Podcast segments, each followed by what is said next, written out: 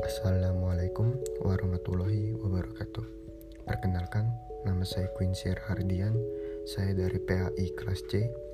Saya di sini akan membuat tugas podcast yang berjudul Islam dan keistimewaannya. Baik, yang pertama, Islam adalah agama bagi semua umat manusia. Kedua, Islam adalah agama bagi semua zaman atau waktu. Islam tetap berlaku bagi orang zaman dahulu abad modern sekarang. Dari zaman unta sampai zaman mobil, dari zaman gerobak sampai zaman pesawat terbang, bahkan Islam akan tetap sesuai bagi umat manusia seterusnya hingga akhir zaman. Ketiga, Islam adalah agama bagi semua tempat di dunia.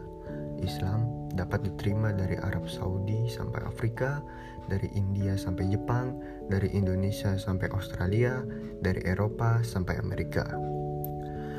Islam adalah rahmatan lil alamin, rahmat bagi alam semesta, bagi makhluk hidup dan juga alam sekitarnya. Rasulullah Shallallahu Alaihi Wasallam diutus kepada umat manusia, kepada umat akhir zaman, baik yang pernah bertemu dengan beliau maupun yang sama sekali tidak pernah bertemu seperti kita-kita ini. Sehingga di akhir kiamat nanti umat yang bersama Nabi Muhammad SAW berjumlah paling besar dibandingkan umat nabi-nabi lain sebelumnya. Masih banyak lagi keistimewaan yang membuat kita yakin akan kesempurnaan Islam. Namun, ternyata banyak orang Islam yang tidak bangga kepada agamanya sendiri.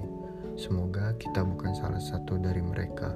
Insya Allah, kita adalah Muslim yang bangga akan keislaman kita.